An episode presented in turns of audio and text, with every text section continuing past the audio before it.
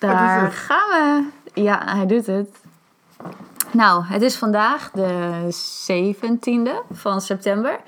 En we willen het ehm, vandaag hebben over eh, ouderschap. Dus eh, over de papa's en mama's. Ehm, numerologie en ehm, hoe je eigenlijk ja, hoe je met je kind kunt omgaan. Hoe je dat zelf hebt ervaren. En eh, de gezamenlijke lessen onder andere. En alles wat verder te tafel komt, ehm, willen we vandaag gaan wandelen. Ja, Of niet? Ja. ja. we zijn met dus z'n tweeën. daar zijn we weer met z'n tweeën. Menno en, eh, en ik ben er ook weer bij. En ehm, ja, waar gaan, we, We gaan beginnen. waar gaan we beginnen? We gaan beginnen met... Nou, ik zat gisteravond op de bank. Ja, En eh, ik kreeg zo'n ingeving van... Hey, wat, wat zou het mooi zijn om in de volgende podcast... meer de diepte in te gaan op, eh, op het thema ouderschap. Nou, ik ben natuurlijk zelf papa, jij bent mama. Maar ik kreeg ook heel veel papa's en mama's hier eh, bij mij op bezoek. Die vaak en op zoek zijn naar... Hey, wat is nou mijn pad? Wat past bij mij? En wat past niet bij mij? En, hoe kan ik meer mijn pad gaan lopen? Maar ook heel erg, hoe kan ik... Ja, mijn vrouw, of mijn man, of juist ook mijn kind beter gaan begrijpen. Waardoor ik er nog beter voor ze kan zijn. En eh, nou, daar, daar kunnen we wel wat inzichten in geven. Vooral eh, vandaag inzoomend op het stukje hoe kan ik nou een goede papa of een goede mama voor mijn kind zijn. Nou, ik denk het moeilijkste wat er is ongeveer in het Ja. leven. inderdaad. Eh, omdat het, eh, je kinderen toch ook wel af en toe lastig gedrag vertonen. Of heel veel in jou aanraken, waardoor je snel van, van, van streek raakt. Of niet, moeilijker is om dichter bij, jezelf, dicht bij jezelf te blijven. Dus het is super interessant om daar eens in te duiken. En wat zegt numerologie daar dan over? En hoe kun je, eh, ja, wat voor rol kun je dan spelen in hun leven? En hoe kijken wij daarnaar? Wat hebben wij daar zelf in eh, meegemaakt, ontdekt? En nog steeds heel veel aan het ontdekken. En eh, dat willen we graag doorgeven. Ja, inderdaad. Hoe ehm, heb jij dat, hoe, hoe ervaar jij dat met jouw kinderen? Hoe ga je daarmee om? Of heb je een eigen stuk waar je Ja. het over wil hebben? Nou, ja, wat- ik, wat ik zelf ehm, heel prettig vind, is dat ik nu eh, al een jaar of vier eh, numerologie kan en ken. En dat ik dus kan uitrekenen, dat ik inzicht krijg, wat zijn nou de grootste talenten van mijn kinderen, maar ook wat willen ze, of wat wil hun ziel graag leren. Mhm. En eh, dan weet ik dus dat, eh, dat de geboortemaand vertelt wat een kind in de jeugdfase wil leren. Dus bijvoorbeeld een januari kind wil graag leren hoe het is om een leider te zijn. Dat is de leeuw, de één. Dat geldt ook voor oktoberkinderen trouwens. Eh, maar in het begin voelen ze zich misschien nog een klein leeuwtje of een welpje. En dan eh, maken ze zichzelf nog te klein en durven ze nog niet te brullen en voor de groep te staan. Ja. En kracht te zetten. En te inspireren en te initiëren en te ondernemen. Maar vinden, voelen zich naast andere leeuwen nog te klein, terwijl dat helemaal niet hoeft. Maar ja, dat is dan precies wat die ziel nog even wil ervaren. Hoe het is om, om je nog zo te voelen. En dat, dat je dan door je angsten heen moet om wel je plek in te nemen. Om wel kracht te gaan zetten en durven Ja. zetten en te durven ondernemen. Of eh, nu novemberkinderen, dat zijn hoogsensitieve kids. De vlinder en de gifkikker staat voor de elf. Mhm. En ja, dat is ook mooi om te, om te weten dat van jongs af aan die kinderen vooral bezig zijn met ook hoe voel jij je? En dat voelen ze ook meteen aan. Ja, Zodra ze ergens binnenstappen. Hoe voel jij je? Hoe voel jij je? ja, En ja. dat ze soms ook die emoties van anderen over kunnen nemen of overprikkeld kunnen raken door al die gevoelens. Nou, als je dat weet als ouder, dan ga je het niet meer gek vinden als je kind in één keer heel erg boos wordt of heel druk of juist heel stil of heel verdrietig. klopt. Maar als je dat niet weet, dan kan je het wel eens gaan bestempelen als lastig gedrag. Ja. Eh, dus als je weet van, nou ja, dit zijn grote talenten Mhm. van mijn kind die ze mag, of die hij of zij mag uit gaan werken. Of dit zijn de lessen eh, die zij, hij of zij heeft te leren. Namelijk wat meer kracht neerzetten. Of juist leren omgaan met al die gevoelens en al die, die prikkels. En eh, met je energie leren werken. Ja, als je dat weet, dan eh, heb je een mooie basis aan inzichten waar vandaan je kan vertrekken. Het maakt opvoeden nog niet makkelijk. Dat is het gewoon niet. Nee. Maar het maakt het wel een stuk inzichtelijker en duidelijker wat je te doen hebt. Wat je kind te doen heeft en wat je als ouder kan doen om er eh, nog beter voor hem of haar te zijn. Ja, inderdaad. Nou, dat vind ik Dat goud. is een hele mooie. Ja, dat is super. Ja, dat is, dan heb je, als je weet eh, wat je daaraan kunt doen, dan heb je echt goud in handen. Ja, Ja. en ik heb, ik heb het gevoel dat ik daardoor En sneller de rust kan vinden wanneer er iets met mijn kids is, Mhm. Ja, omdat ik ze begrijp. Of ik begrijp wat ze aan het leren zijn. Of Ja. ik begrijp welk verlangen ze hebben, wat Ja. voor talent ze graag willen neerzetten, maar ze misschien nog spannend vinden. ja, Dus dat is heel fijn. En mijn hoofd vindt het heel fijn. Ik, kan ook, ik, ben, ik ben ook heel goed met mijn hoofd, hè, dat weten jullie ondertussen. ja, Die wil het graag analyseren. Van wat is hier aan de hand? En die willen woorden aangeven. En ik, ik kan er nu dus woorden aangeven.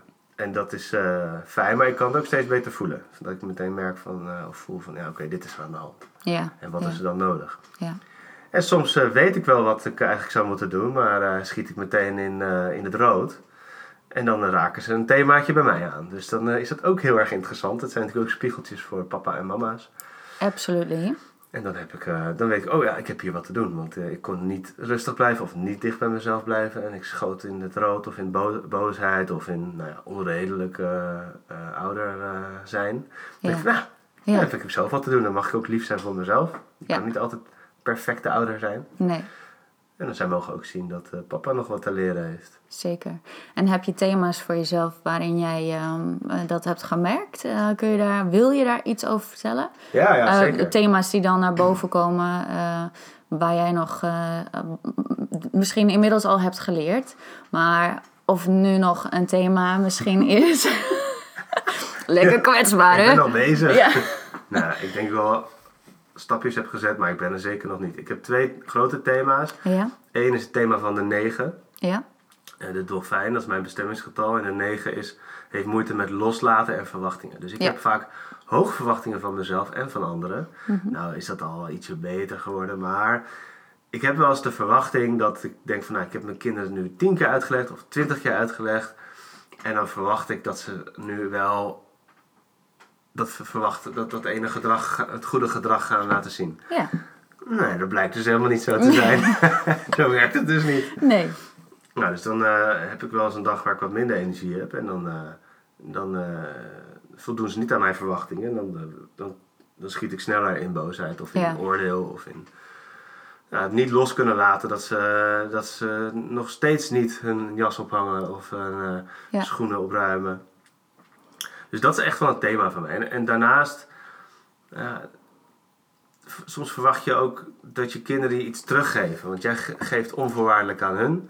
En dan heb je zoiets van, nou, ik wil ook dat ik er voor terugkrijg. ja. dan, hè? Mhm. Kijk wat ik allemaal voor je doe. Ja, En dan gaat je ego echt met je aan de haal. ja, inderdaad. Nou, in deze zomervakantie heb ik een mooi boek gelezen. En dat gaat over omdenken in eh, ouderschap. Dat heet Lastige Kinderen. Heb jij even geluk? Van Bertolt Gunster. Of Gunstar, weet ik veel. eh, Gunster, ja, of Gunster. Nederlands of Duits. Maar in Ja. ieder geval. En, die, en hij zegt iets heel moois. Hij zegt: Eigenlijk moet je gewoon niks terug verwachten. Jij bent er voor hun om voor ze te zorgen. En, eh, en jij mag geven. En je mag ze helpen om hun bootje goed van de kant te krijgen. Maar dat is het dan ook. Ja. Maar niet verwachten dat zij jou gelukkig gaan maken. Uh-uh. Zodra je dat wel gaat verwachten, ga je dus heel raar gedrag vertonen als ouders. Ja. En dus ook ze bijzonder benaderen. Alsof, je, alsof zij iets terug moeten geven. Ja, en dit is echt een hele interessante. Want dan word je als ouder, of ben je als ouder behoeftig. En op het moment dat je, dit is echt een super interessante. Deze zie ik ook vaak. eh, heb ik natuurlijk ook bij mezelf gezien en bij mijn ouders. Eh, maar ook eh, mensen die vaak bij mij komen, of ouders die bij mij komen, of een van de ouders die zelf behoeftig zijn, waardoor ze dat gaan projecteren op hun kinderen. En hun kinderen gaan zorgen voor hen Ja. in een bepaalde manier. En niet zorgen voor, oh, ik ga eh, nu het brood smeren voor mijn, voor mijn vader of mijn moeder of koken zorgen. Maar zorgen als in van, als ik maar lief ben, dan, eh, dan heeft mijn moeder geen last van mij. Of als ik maar goed luister, dan, ehm, dan gaat mijn moeder of mijn vader, weet ik veel, niet huilen of wordt hij niet boos. Of, Ja. of, ehm, dus ze gaan please gedrag. eh, ze gaan kijken van, hoe voel jij je? Ja.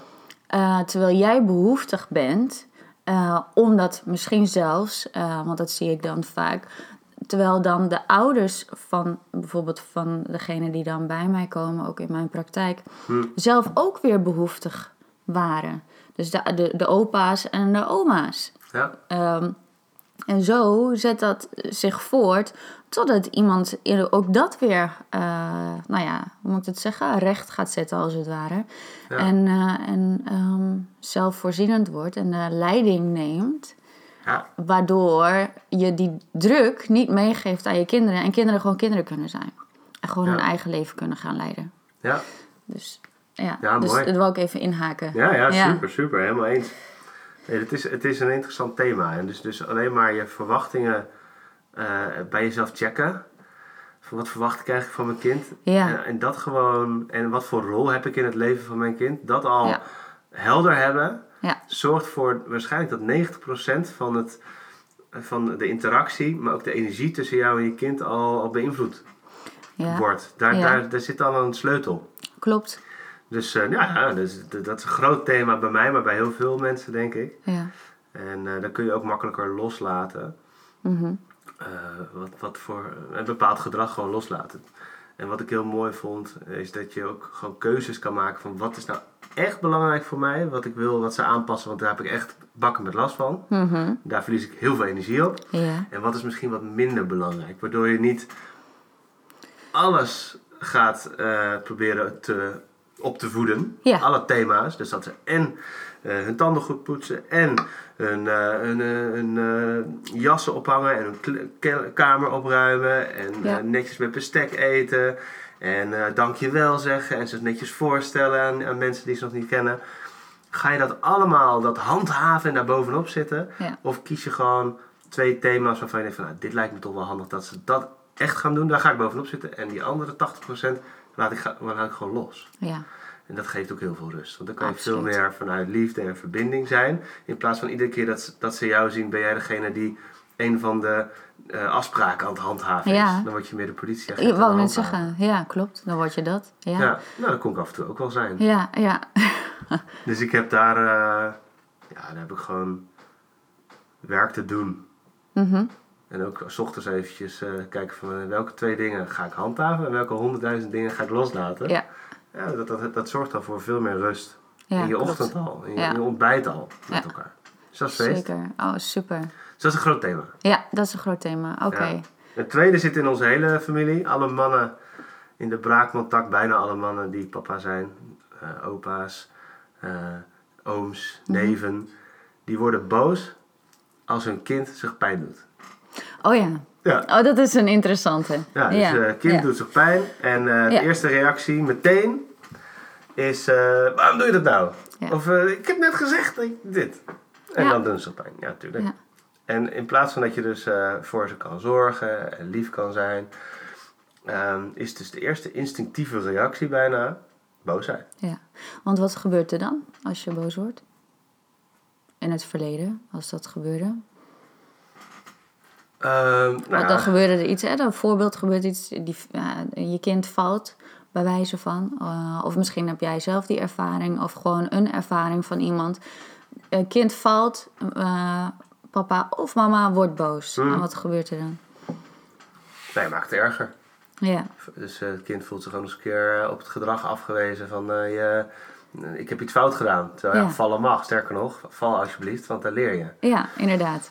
En eh, nee, ja, dan, dan, eh, maar als ik dus val, dan heeft mijn papa pijn. Ja, Of dan wordt mijn papa niet blij. precies.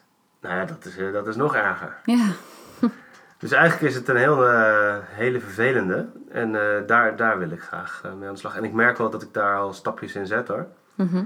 En af en toe dan zegt mijn vrouw tegen mij... Jeetje, Menno, wat goed. je werd helemaal niet boos. nee. ik denk van, oh jee, progressie. Ja, Eh, maar het is echt wel een, het is een bijzonder thema. En het is eigenlijk gewoon een reptiele brein die ja, vanuit onveiligheid schiet in de vecht- of vluchtmodus. Ja. Het heeft ook een combinatie eh, met eh, dat ik hard geluid slecht kan verdragen en hard gehuil vooral. ja, Dus er zit ergens iets ja, in mijn verleden of in mijn vorige levens waar ik hard gehuil eh, slecht pak. ja, En dat triggert bij mij meteen vechten of vluchten. ja. En waar ik vroeger misschien wel heel goed kon vluchten, ben ik nu eh, sinds eh, al wat langer. Ik denk sinds mijn studententijd zit ik meer in eh, dan kracht neerzetten. Ja. Of het nou een masker is of boosheid. Mhm. Nou, dus dan schiet ik in vechten. ja. Dus daar, daar moet ik zorgen, mag ik gaan zorgen dat mijn reptiele brein niet in een van die modussen schiet, maar dat ik mezelf veiligheid geef. Ja, ja. Nou, dat kan zijn door nou, in plaats van meteen te reageren, naar binnen te gaan, naar ademhaling, mezelf veiligheid en liefde geven, klopt. voordat ik een reactie kies. Ja, Nou, en, eh, sommige dagen heb je dat bewustzijn en die rust om- Zeker. Om, om die Mhm. ruimte te creëren en sommige dagen niet. Ja. Dus dan zit er soms ook gewoon misschien nog wel iets in mijn verleden waar nog wat te doen is.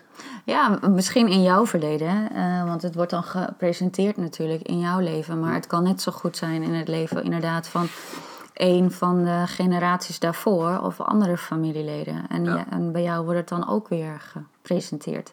Dus eh, als jij dit inderdaad eh, opruimt, dan help je daarmee ook eh, weer eh, mensen in je familie Ja, achter jou als het ware, maar daarmee help je ook weer je kinderen. Want die, gaan het niet, die hoeven het niet meer in hun leven te krijgen, want het is al opgelost. Dus die zullen Ja. dan eerder vanuit gewoon liefde reageren, vanuit zorg, in plaats van angst, gedachten eh, of ego inderdaad, vechten, vluchten of vriezen. ja. Ja, dat zou mooi zijn. Ja, Dus, dus daar ligt nog werk. mooi. Ja, En mag ik nog eh, aandacht geven. En het is mooi om, dat, eh, om, om er zo ook naar te kijken. ja, klopt. Dus Ja. eh, we hebben nog wel eens de neiging, en ik ook wel eens, om te zeggen van dat is lastig gedrag. Of ik heb Mm. last van eh, dat gedrag van mijn kind. Of dat is een probleem. Ja. Maar in feite is, zijn ze vaak spiegeltjes die eens bij jou aanraken waar, waar je in je eigen ontwikkeling iets te doen hebt. Ja. Ja, dat vind ik heel interessant. Is het ook. Het is ook super interessant. Op het moment dat je. eh, dat zie ik natuurlijk ook, eh, ook bij me, in mijn eigen leven. Ook eh, bij de mensen die ook bij mij komen. Van eh, ehm, eh, mijn, mijn kind heeft een probleem. Nou, dus het is eigenlijk meteen een projectie van, eh, van, van, de eigen, van de eigen stukken op het kind. Het kind Ja. is alleen maar gewoon, bijna gewoon, dat kun je wel zo benoemen, gewoon jou. Of de papa of de mama. Ja, Nou, dus, ehm, dus in plaats van te kijken van oké, eh, eh, waar heb ik last van van mijn kind, kun je kijken, ga je naar binnen. Oké, hoe is dit een probleem voor mij? Ja. Waar heb ik dit eerder ervaren? Ja. En dat te gaan onderzoeken. En dat kun je, dat kun je op verschillende manieren doen. Ehm, ook in het, in het werk wat ik doe, is dat heel makkelijk te onderzoeken en dat op te gaan lossen bij jezelf. Hmm. In plaats van het te projecteren op je, op je kind. En eh, dus ik vind dan, eh, wat ik merk is dus dat, dat je je, eh, je eigen ontwikkeling, ja, Hm. je eigen ontwikkeling gewoon daarin heel erg belangrijk is. Dus je Ja. persoonlijke ontwikkeling, groei, opruimen van je, van je eh, kelder, van je, van je vuilniswagen als het ware. Die opruimen. ja, En ehm, ja, daarmee aan de slag gaan. Dat is het grootste cadeau wat je jezelf natuurlijk, je kind, maar ook de generaties voor jou kunt geven. ja.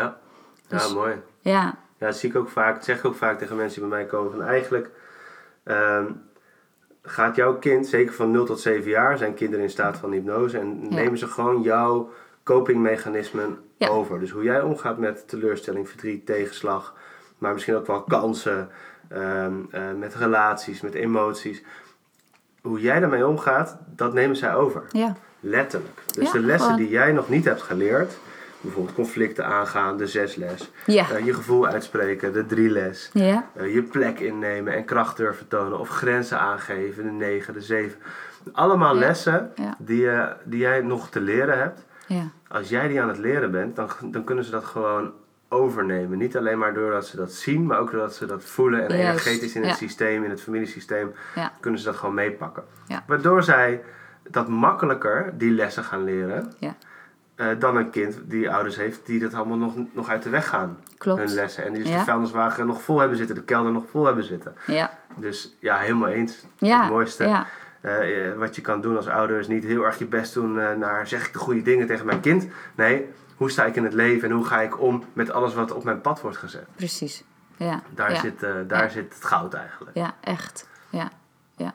ja ik zit even te denken, inderdaad, ehm, eh, aan, aan ook hoe, hoe het ehm, te vertalen naar, je, naar de getallen. Ehm, dat zou jij misschien ook merken in jouw, eh, voor de mensen die bij jou komen, is dat heel veel getallen, dezelfde getallen dan terugkomen in de geboortedatum van de kinderen, die ook in de geboortedatum van de ouders zitten. Ja. Dus ehm, En je ziet eigenlijk precies bij een kind welke getallen komen van de moeder. Dus Ja. welke talenten en te leren lessen komen Ja. van de moeder en welke getallen komen van de vader. Ja.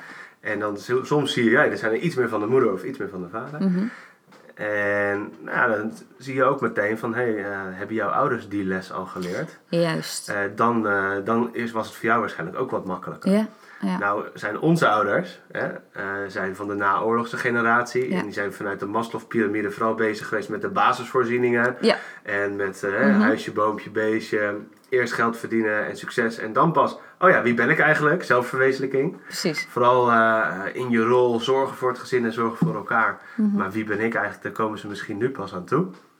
Als ze daar nog aan toe willen en durven komen. Ja, En, en dan gaan ze met pensioen en dan, ja, wie ben ik eigenlijk? En oh, eh, wat, wat is mijn leven eigenlijk waard geweest? Mhm. Die komen nu pas in beweging. Of ze zien dat hun kinderen eh, met persoonlijke ontwikkeling bezig zijn. Hè? Die dertigers, veertigers, soms twintigers. Die in één keer vanuit een burn-out of midlife crisis of wat dan ook erachter komen van... Hé, hey, ik, ben met- eh, ik wil met persoonlijke ontwikkeling aan de slag. ja, En dan zie je dat de generatie 60 plus nu ook wakker, langzaam wakker aan het ja, worden is. ja. Dus het is eigenlijk logisch dat wij, dat onze generatie aan de manier nog niet heeft kunnen afkijken van onze ouders. Maar nee, nee. wij kunnen wel, denk ik, steeds bewuster wel met persoonlijke ontwikkeling bezig zijn Ja. en zelfbewust zijn. Ja. En lessen leren, waardoor onze kids het wel sneller kunnen afkijken. Absoluut. Hoop ik. Ja, ja. Ik denk wel dat we daar een goede slag in aan het maken zijn. Ja, ik denk wat dat betreft, eh, zo zie ik het, eh, dat, dat eh, wat dat betreft die, die weg aan het plaveien zijn, een beetje aan het gladmaken zijn. Ja. voor, zowel voor onszelf als voor de generatie na ons. Ja, voor onze kinderen. Ja, absoluut. Ehm, ja, dat is echt wel een, een soort van eh, ehm, brug, als het ware. Dat is als een soort van brug fungeren. En natuurlijk de vorige generatie ook al wel. Ja. Gewoon eerst zelfvoorzienend en eh, eerst zorgen dat gewoon eh, overleven. De basis is in orde, er is veiligheid, Dus veiligheid, dat. een mate van vrijheid. Juist. Dat is een goede basis. Ja, ja, ja. En, en, en, en vertrouwen in, in elkaar en in, je, in, in de mensheid om je heen. Al moet je dan niet te vaak het nieuws kijken, dan kan het weer een beetje verdwijnen. Hè? Ja, ja, ja. Dus gewoon niet doen. Nee, geen nieuws kijken. Nee. Ja, ik denk dat dat is wel een mooie basis van waaruit je aan de slag mag met jezelf. Dat je eigenlijk de Maslow-pyramide omdraait en zegt van hé, hey, en dat doen we ook steeds meer naar onze kinderen. Starten bij zelfverwezenlijking. Wie ben Ja. je echt? Waarom Ja. ben je hier? Wat zijn je grootste talenten? En laten we vanuit dat startpunt eens gaan kijken naar eh, wat bij jou past. Ja, inderdaad. Wat, hoe wil jij de wereld dan gaan ontdekken en wat zou je kunnen doen om die Ja. talenten verder uit te werken? Klopt. Eh, helaas zijn er nog niet zoveel scholen die ook zo kijken naar hun kind. En soms ook ouders die nog vanuit een oud paradigma kijken naar hun kind van... Heer, je moet presteren.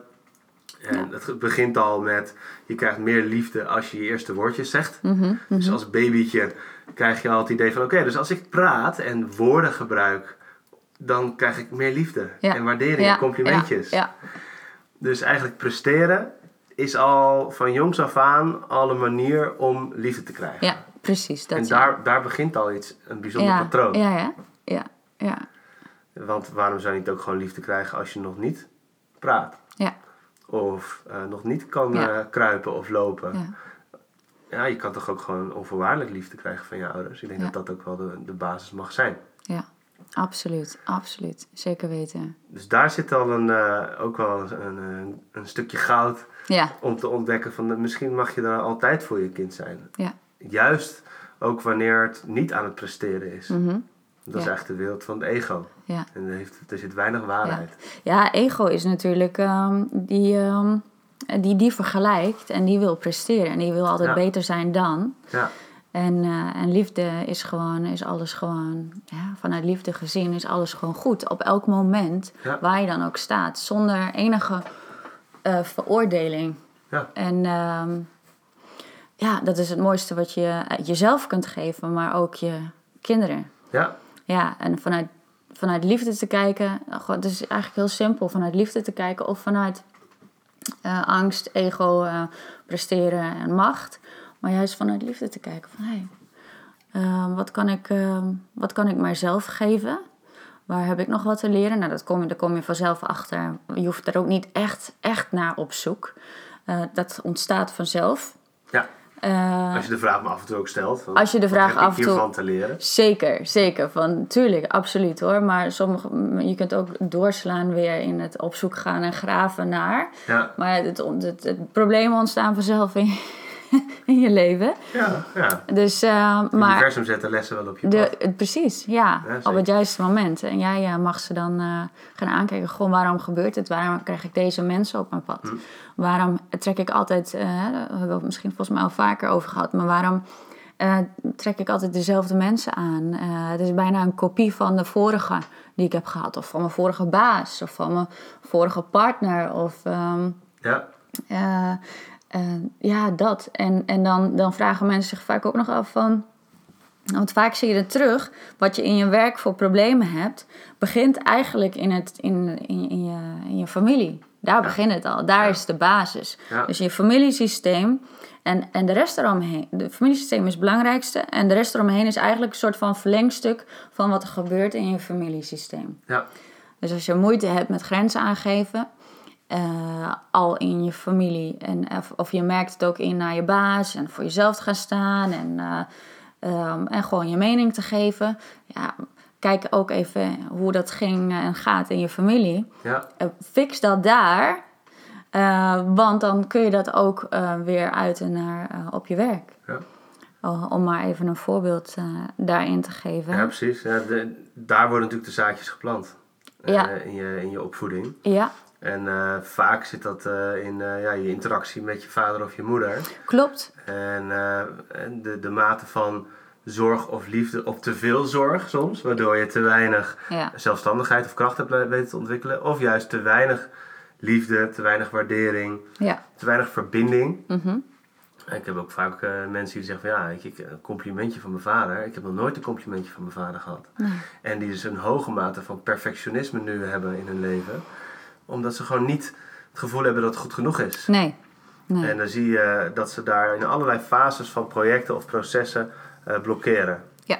Dus dat ze bijvoorbeeld niet iets, iets fantastisch, briljants wat ze hebben bedacht, durven te delen met anderen, wat eigenlijk een vorm zou kunnen gaan krijgen in de wereld. Ja. Maar ze zijn bang voor dat, ze, dat het niet goed genoeg is. Ja. En dat ze dus kritiek krijgen. Ja. En dan, en dan, ook al is het een heel klein beetje kritiek, wordt meteen die oude pijn aangeraakt Ja. van die vader die eigenlijk altijd alleen maar kritiek Ja, leverde. ja dat, is, dat is interessant. Het, het zijn al, eigenlijk altijd oude verhalen. Ja. Dat wat je nu meemaakt, is natuurlijk is nu.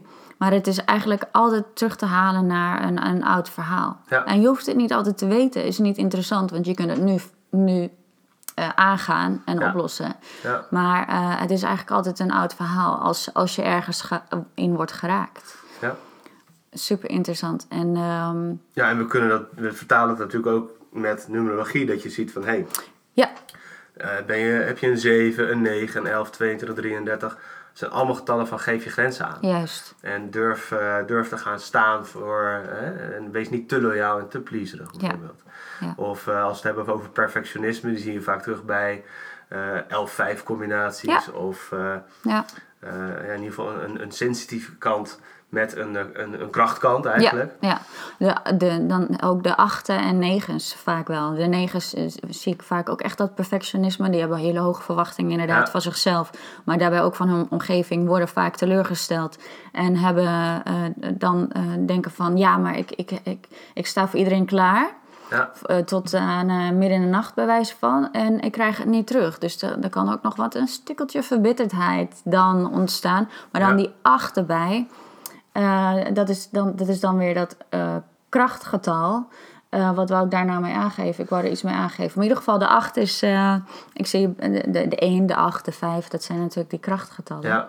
En ehm, ik zie bij de vrouwelijke achten dan nog wel is, ehm, als ze dat ergens hebben staan, of als bestemming, dat is wel interessant, nog wel de eeuwige twijfelkonten. Mhm. Dus die, eh, die vinden het heel lastig om beslissingen te nemen. Ja.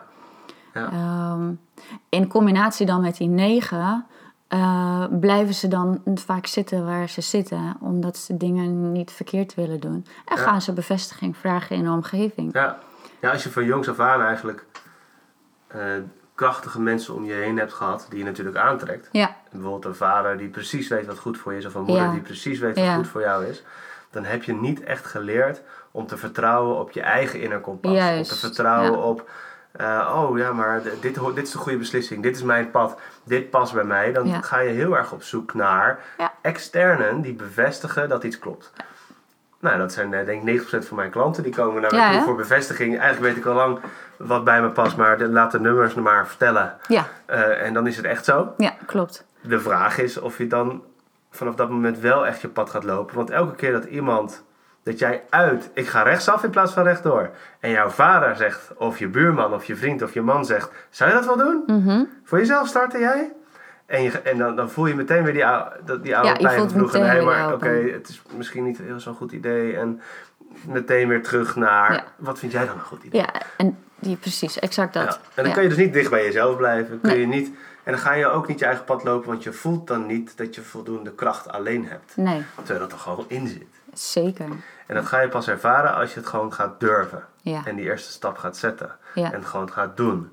En je beseft, al die mensen die, eh, die komen met eigen ideeën en meningen en, en soms kritiek op je Mm. beslissing. Eh, dat zijn je trainers. Dat Ja. is je training. Ja. Om daar niet naar te luisteren en zeggen, "Ah, ik neem zelfstandig deze beslissing. Juist. Ik ga zelf dit pad lopen. Dat is heel erg die acht. ja, En die absoluut. olifant die een eigen olifantenpaadje maakt. Ja, En klopt. eh, niet op de gebaande paden hoeft Nee. te lopen. Die olifant die inderdaad, eh, en ook de leeuw, maar die olifant die gewoon, Ja. die gewoon ervoor gaat. Ja. En eh, die doordendert. Ja, dus heel vaak een krachtgetal in combinatie met een sensitief getal. Ja. Dus een 7, 9, 11, 22, 33, meer de sensitieve kant die, zegt, die soms een twijfelstemmetje heeft van zou je Ja. dat wel doen? Nou, ik ben, ik- Ja. misschien ben ik het niet waard of ik ben niet goed genoeg of ik ben niks waard. En ik had laatst iemand die zei ik heb last van het imposter syndrome. Dat betekent ik heb het gevoel dat ik een, eh, een bedrieger ben. Ja, ja. Dat, eh, ik, aan de ene kant weet ik vanuit kracht en als ondernemer kan ik wel neerzetten.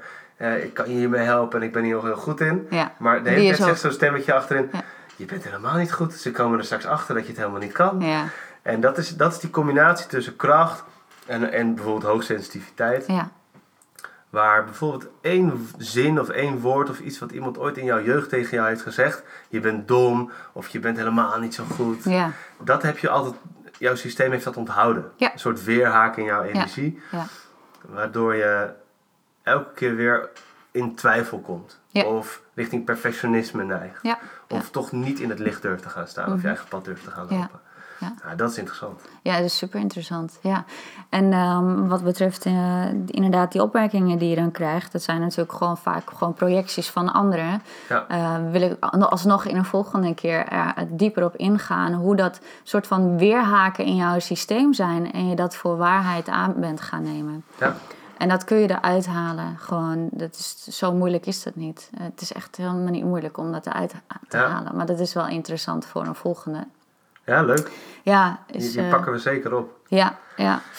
Eh, Ja, dus dan is het heel mooi om te zien hoe je als ouder eh, kunt kijken naar van... Hé, maar wat voor ouder ben ik voor mijn kind? En wat is dan mijn rol? En nou ja, aan de ene kant zeiden we al... Het is goed om zelfbewust te zijn. Om met je persoonlijke ontwikkeling aan de slag te gaan. Want hoe ik omga met situaties bepaalt ook in sterkere mate... hoe met mijn kind straks daarmee omgaat. Ik kan heel veel dingen zeggen. Dit moet je niet zo doen. Maar als je zelf het wel zo doet... ja, eh, dan gaat, de, gaat je kind het echt niet anders doen. het is niet congruent inderdaad. Ehm, want het is dan eh, jouw, e- jouw energie maakt de energie van jouw kind. Ja.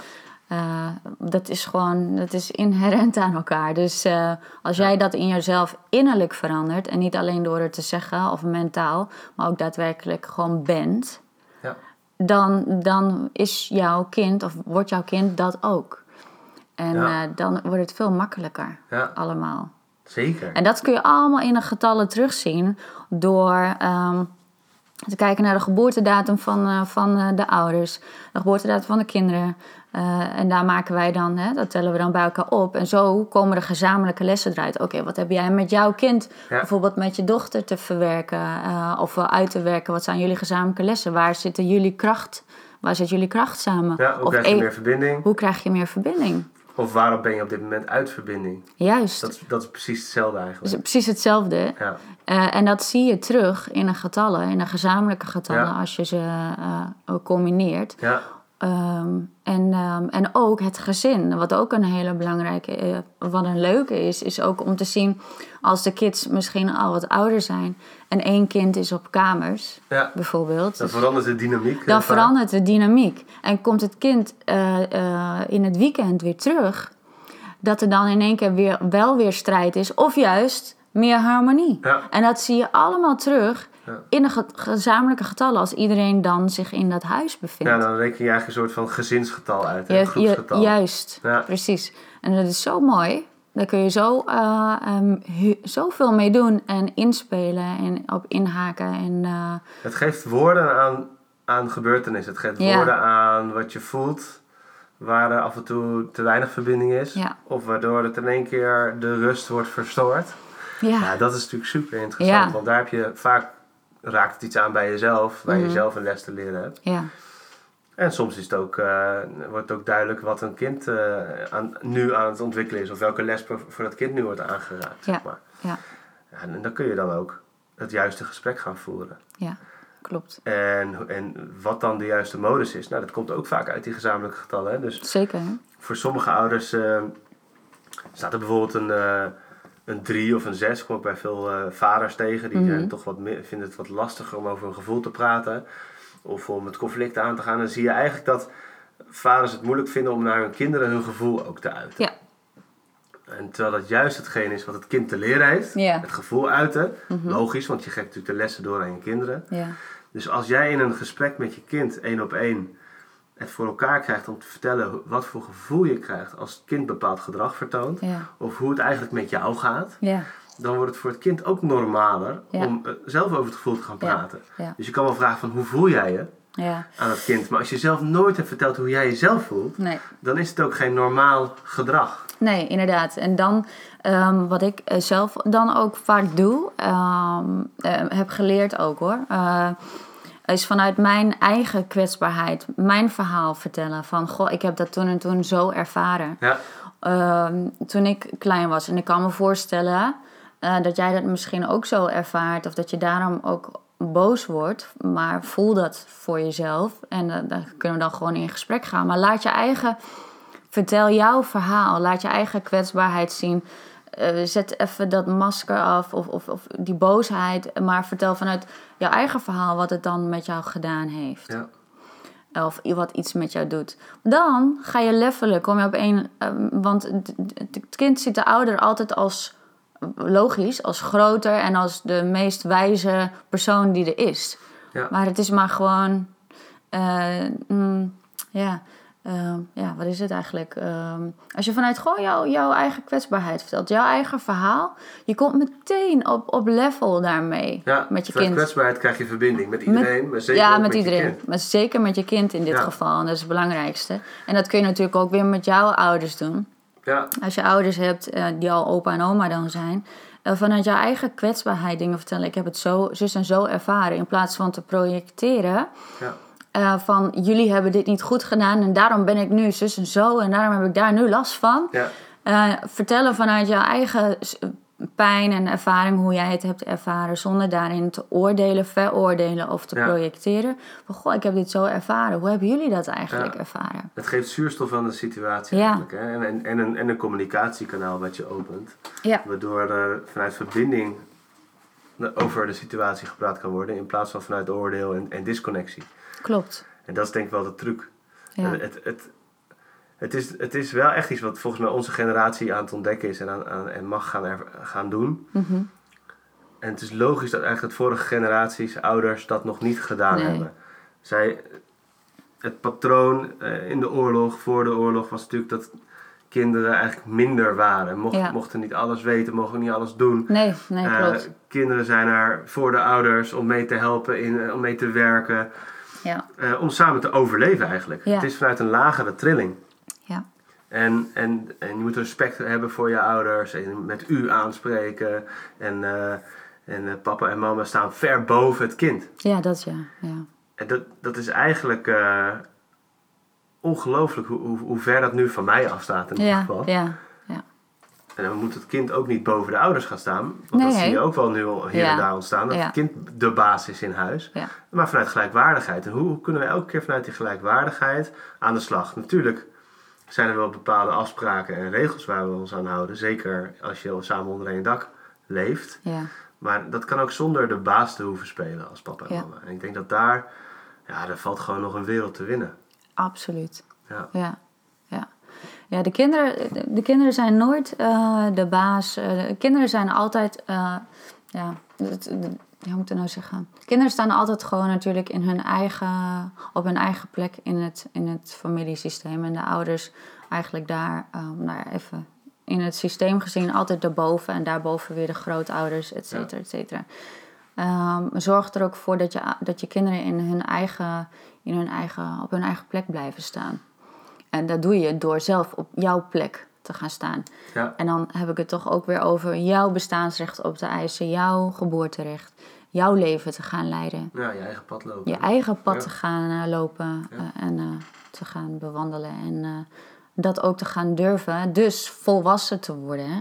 En dus uiteindelijk komen we weer op het woordje verantwoordelijkheid. Verantwoordelijkheid te nemen voor je eigen leven, voor je eigen lot. En daarmee alles loslatend wat niet van jou is. Eh, en wel gaan aankijken wat je hebt gekregen.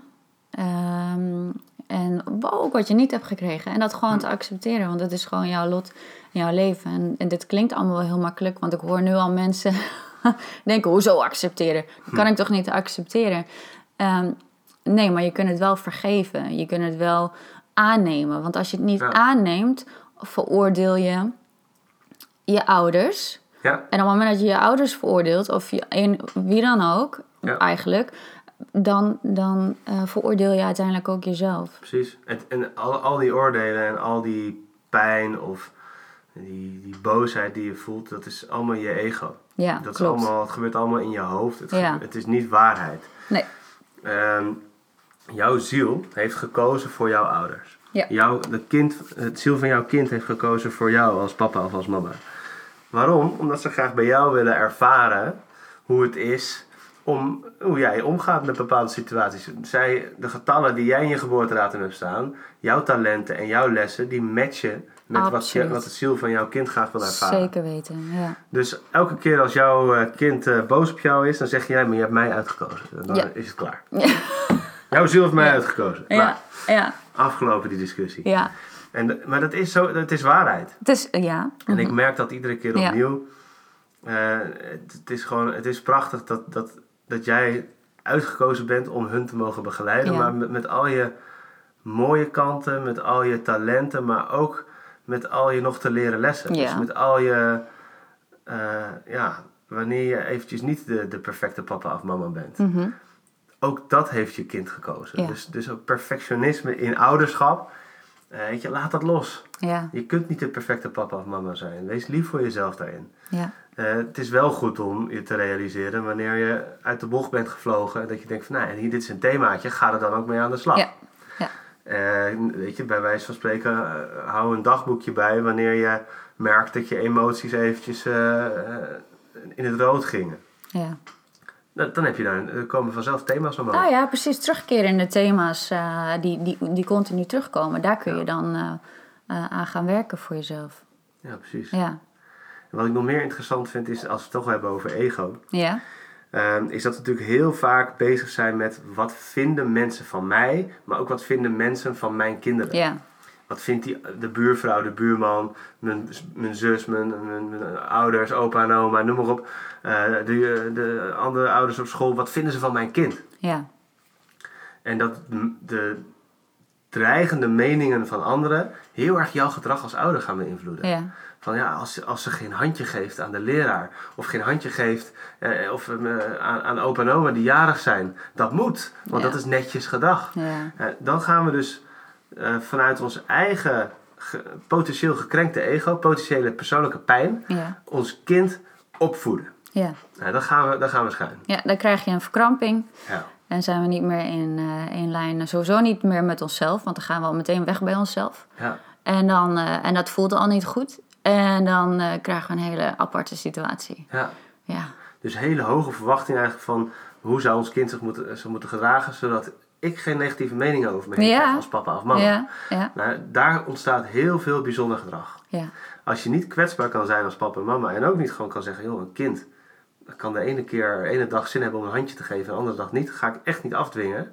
Want dan ga ik gewoon over, ga ik gewoon de autonomie van mijn kind eigenlijk. ja klopt. Ja, En dan ga ik eigenlijk al meteen over de grens heen. ja, En dat is een hele interessante. Maar Ja. heel veel van ons kunnen dat echt niet loslaten. En Nee. zijn daar de hele tijd mee bezig. Ja. Van, als iedereen maar ziet dat ik een goede papa ben. Als iedereen maar ziet dat ik een goede mama ben. Ja, uiteindelijk doe doe je is, is het ego daar zo op gericht om, om, dat, eh, om dat op die manier te doen. Ja. Dus als je ziet dat, eh, want als je dat wel doet en je wilt dwingen om eh, bijvoorbeeld eh, je kind eh, de leraar een hand te laten geven, of, of inderdaad opa en oma, je gaat over die grenzen van jouw kind. Ja. Want die geeft aan wat de reden ook daarvan is. Ja. Van joh, ik heb hier nou eh, geen behoefte aan, geen zin in. Wat, want het kunnen verschillende redenen zijn. Ja. Daarmee kun je afvragen, en vind ik ook wel een belangrijk is van waarin ga ik bij mezelf over, over die grens? Waarin doe ik zelf ook gedrag wat ik eigenlijk niet wil, Ja.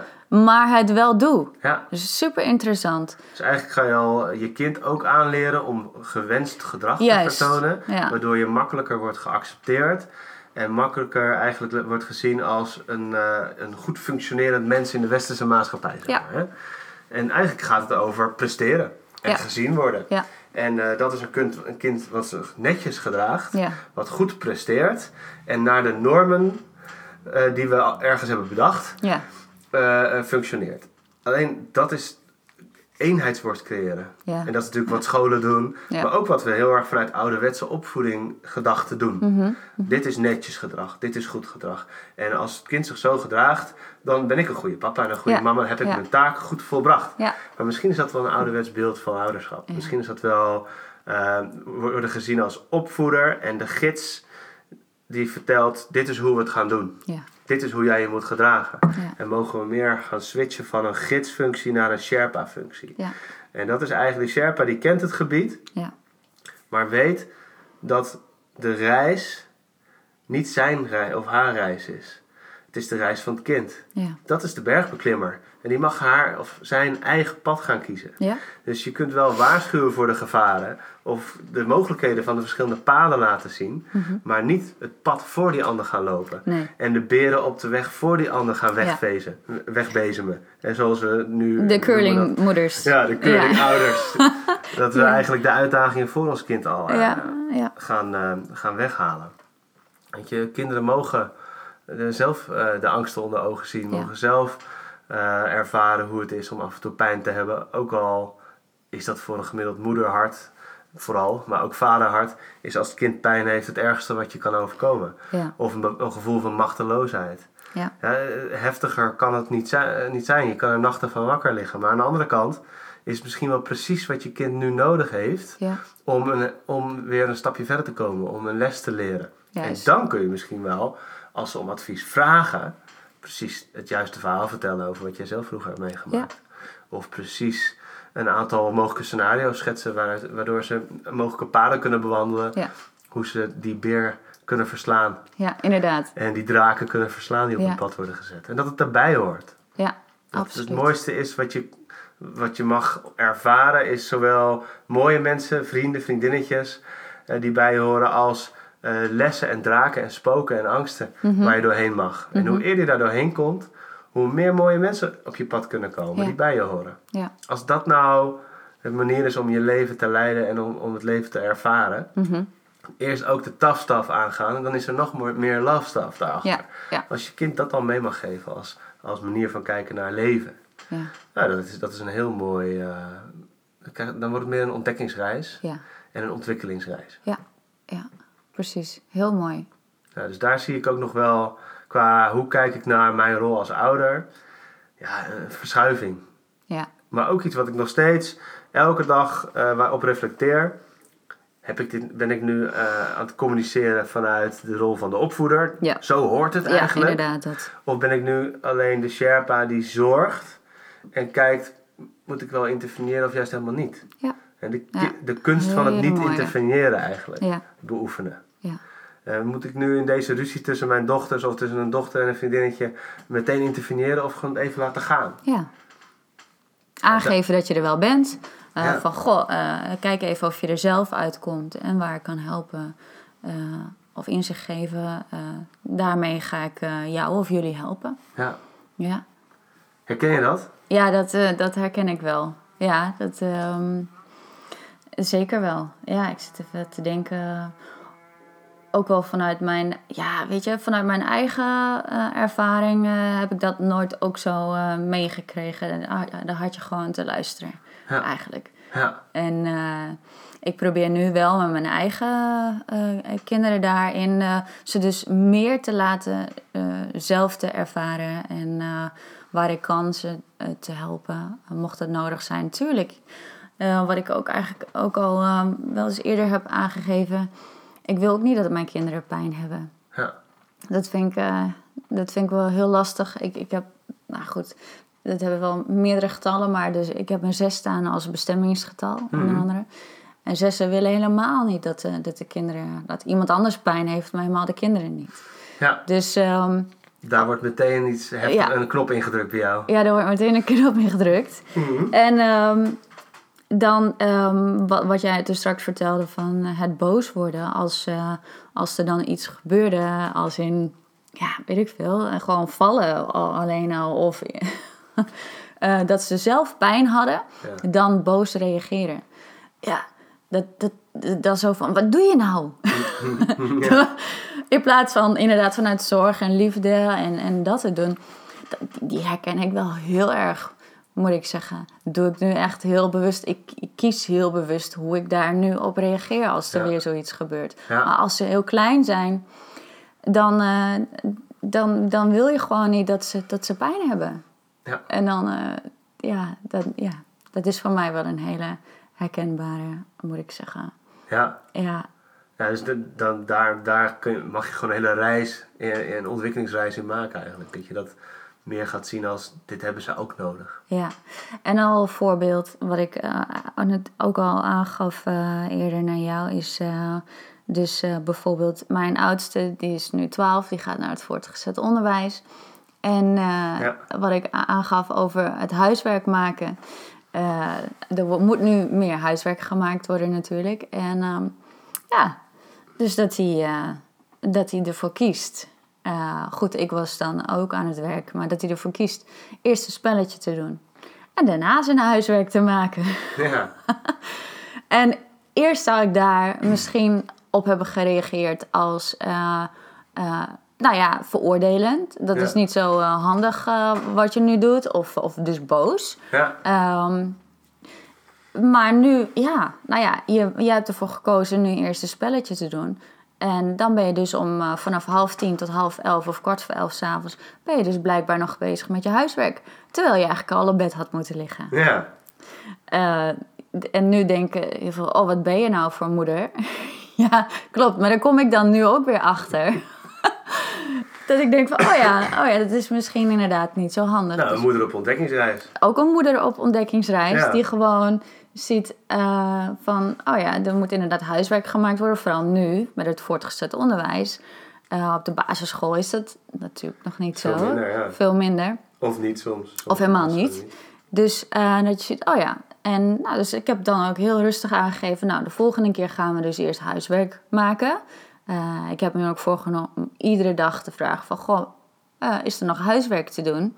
Ja, Om dat eerst te doen. Eerst het minder leuke. En dan is er nog tijd en ruimte eventueel voor, het, Ja. eh, voor de ontspanning en eh, het leuke te doen. Of wat dan ook. ja dat, dat zou een hele mooie eh, mechaniek kunnen zijn. En de vraag is dan of hij het doet. De vraag is of hij het doet. Of dat hij misschien wel zijn eigen stijl gaat ontwikkelen. Ja, zoveel. Ja. nou ja, dat moet hij dan ook maar ontdekken. Ja, Maar ik heb wel voorgenomen, al als, toen ze ook heel klein waren, van laat ze zelf ook op ontdekkingsreis Ja. gaan. Door- Gewoon zelf op hun toch wel spreekwoordelijke bek gaan Ja. ervaren. In plaats van het al helemaal eh, eh, schoon te vegen voor hun. En eh, ja. ja, op die manier. Misschien komt hij er wel achter dat hij eerst juist heel blij wordt en heel veel energie en ook wel ontspanning van het gamen, waardoor hij nog sneller zijn huiswerk kan maken. Ja, beter. misschien werkt dat wel, zelfs dat wel En hij heeft beter zijn eigen pad ontdekt Ja, daarin. dat kan ook, hè? En dat is misschien wel ook de kunst soms van het niet interveneren of gewoon zeggen Ja. van joh, weet je, kijk maar wat voor jou werkt. Ja, En Ja, eh, helemaal als je waar. elke, elke keer om, om half twaalf pas eh, ligt te slapen, hè, dan word je vanzelf een keer moe. ja, En dan kom je erachter, hé, hey, ik lig te slapen op school. ja. En nu? En nu ja. Mijn, mijn dochter ligt ook vaak tot later spelen, s- s'avonds. Oké. En dan hoor ik van die juf, ja, ze, ze, ze viel een beetje in slaap. eh. in de middag. Ja. En dan vraag ik aan hem van, goh, weet je een beetje moe vanmiddag? Ja. Ja, kan het te maken hebben dat je een beetje eh, nog tot laat hebt liggen spelen? Ja, ja, dat zou kunnen, pap. Ah, ja. Nou, wil je er wat aan veranderen? Of eh, gaan we gewoon lekker zo door? ja, inderdaad. Ja, nou, ik wil gewoon graag spelen. Nou, dat snap ik ook wel. Ja, tuurlijk. Oh, absoluut. Ja, dus dan is de vraag van wanneer zou je het spelen kunnen inrichten op zo'n manier in de dag Ja. dat, je, dat het niet s'avonds laat hoeft. Ja. Of misschien loslaten dat je niet zoveel uur per dag hoeft te spelen. Mhm. Dat kan ook. Ja. Of misschien kan de juf wat meer spel brengen in het werk. Ja. Ja. Ja. Dit was de eerste vraag na, na, na drie weken groep drie. Mhm. Papa, hoe lang in mijn leven moet ik nog werken? Oh ja, echt? Ja, als ze niet drie weekjes een beetje, dat noemen ze dan werken, Ja. eh, in een werkboek. Oh ja. Dan zijn we gewoon spelen. Ja. Ja, dan denk ik van, Ja, ja, ze ik- wil ik, gewoon snap haar, het wel. Ja, tuurlijk. Ze wil haar eigen creativiteit gewoon kwijt. Ja. En op, op, het op haar manier doen. En Ja. niet allemaal in, eh, in... ja, er zijn kinderen die zijn Structuur. gek op eh, werkboekjes en structuren. Zeker. Ik denk aan vieren, ik denk Ja. aan negens. Ja. Maar er zijn ook kinderen die willen alleen maar spelen. Ik denk aan drieën, ik denk aan 33 Ja. Die willen het gewoon spelenderwijs doen. Klopt, en vijven ook, ook Ja, over het algemeen wel. Vanuit, moeten. nee, vanuit de vijven hebben we dan wel Nou, weer een hekel Al die getallen heeft ze dus. Ja, ja, ja, precies. mooi, mooi. Ja, dus dan zie je ook meteen wat gewoon niet voor haar werkt. Ja, En dat is als het te schools en te veel vanuit moeten en te veel systemen, te veel structuur Hmm. en elke dag hetzelfde. ja, En te weinig vanuit spel en creativiteit klopt. en vanuit fantasie. Ja, Als dat er niet in zit, dan heeft ze eigenlijk gewoon een waardeloze dag gehad. ja, ja. Nou, als je dat zou weten als ouder, als leraar, Oh, dat zou dan ga je toch heel anders in je lessen inrichten Echt. en heel anders met je kind de dag invullen of Ja. snappen wat ze nodig heeft. Ja, ja, Dus ik kan haar niet veroordelen hierop. Ik kan alleen maar snappen van ja, natuurlijk. tuurlijk. Ja, En soms vertel ik ook aan zo'n juf van kijk, zo zit ze in elkaar. ja. ja maar dat doe ik. misschien ook ja, heel goed heel waarom herkenbaar. ze zo reageert en waarom Ja. wat jij op haar, Zeker. op haar eigenlijk, wat je, wat je probeert te forceren, Ja, ja, dat gaat juist averechts werken. ja. En het is geen, een leerfabriek is niet meer van deze tijd. Nee. Sterker nog, er zijn steeds meer kinderen die niet in de structuur en in het systeem Ja. passen. Ja, Dat zien we op scholen, Ja. op middelbare scholen. We hebben eh, tegenwoordig burn-out onder middelbare scholieren. 1 op de 4 twintigers heeft burn-out klachten. En dan hebben we het over studenten en starters die in structuren moeten gaan werken. En in functies. En je, je bent een tandwiel in de fabriek en in de machine. En je moet je dus de hele tijd het tandwiel zijn. ja, Zonder autonomie en vrijheid. ja, ja. En daar gaan we eh, eigenlijk zien dat die structuren niet meer passen. Nee. Allemaal En, eh, oude, oude structuren, oude systemen. Ja, dus oude paradigma's gaan omvallen. Zowel hoe we kijken naar hoe we ons organiseren, hoe we lesgeven, hoe we opvoeden. Moeten we nog wel opvoeden? Ja, We gaan waarschijnlijk van opvoeden naar zorgen, van gids Ja. naar Sherpa. ja, ja. En dan, eh, dan gaan we eigenlijk een, een, op een nieuwe manier kijken naar onszelf en naar elkaar. Ja, Meer vanuit verbinding met onszelf en verbinding met elkaar. ja, En met, eh, met, met de eenheid van ons allemaal, met het universum. ja, Dat is de stapjes die we mogen zetten. ja. Maar het begint bij onszelf. Het begint bij onszelf. Daar begint echt de verandering. Ja. Dus eh, ja, ik denk dat het mooi is om eh, daarmee af te sluiten. Zeker. Ehm, dus ja, wil je, ehm, wil je jezelf een cadeau geven, maar dus ook je kinderen. Eh, en eigenlijk ook heel stiekem eh, ook je voorouders. Je ouders, je voorouders en alle generaties daarvoor. Eh, maar vooral de generaties na jou, dan is het het grootste cadeau wat je zelf kunt geven, is je eigen persoonlijke ontwikkeling, groei, inzicht, bewustwording en je eigen dingen aankijken. Ja, Daarmee help je je kinderen enorm. Wat, Ja. wat heb jij nodig? Wat heeft je kind nodig? Of hebben je kinderen nodig? Ja, ja dat, is, dat is sowieso het allerbelangrijkste. En daarnaast inderdaad weten wat zijn de grootste talenten van mijn kind. Maar wat zijn misschien ook juist niet zijn of haar grootste talenten. Daar Ja. kun je heel veel loslaten. ja, Maar ook al heel veel mogelijkheden op haar pad eh, samen zien en woorden aangeven. eh, waar ze misschien op, op ontdekkingsreis kan gaan, waar ze Ja. energie van krijgt en ook talent ervaart. ja, Dus ook al presteer je op school niet als de beste, kan je misschien op de manege of op dansles wel als de beste voelen klopt. dat dat jouw grootste talent is. En dat Ja. dat net zo belangrijk is als een prestatie op school. Ja, Want uiteindelijk lezen en rekenen, ja, best aardig. Ja. Maar dat kan een computer ook allemaal. ja, En klopt. straks eh, kunnen we gewoon alles met voice doen. Ja, En praat Siri gewoon, eh alles om in tekst.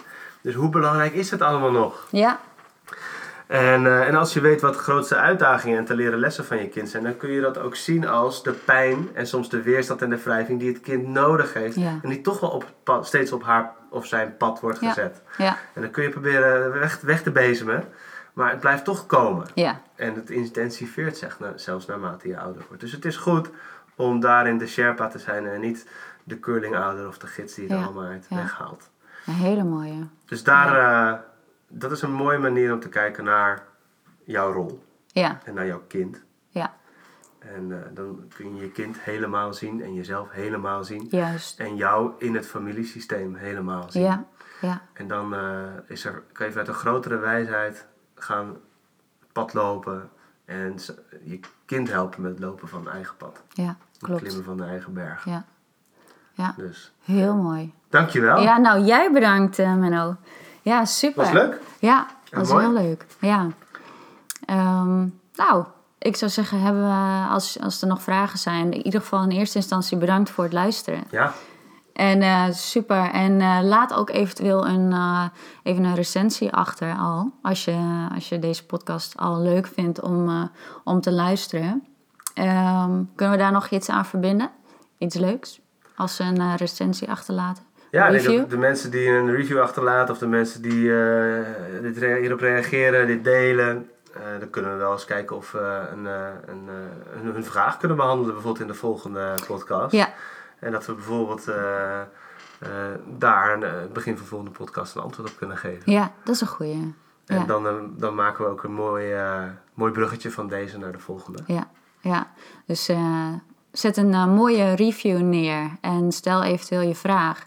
En die kunnen we dan eventueel meenemen in de volgende podcast. Ja, dan kijken we naar, ook naar jouw geboortedatum, geboortedatum Ja. van je kind. Ja, eh, eventueel van je ouders, om eens een keer een, een, een, een volledig systeem in, in kaart te brengen. ja, En eh, hoe de energie daar stroomt en welke lessen en talenten daar eh, allemaal eh, in het licht mogen worden gezet. ja. Supermooi. Supermooi. Oké, daar sluiten we mee af. Helemaal goed. Hele fijne dag als jullie eh, dit luisteren op welk moment van de dag af ook. Of, eh, of slaap lekker als je deze in de avond luistert. En eh, we, ja, tot, de de, tot de volgende. keer weer. Ja, Oké, zie je later.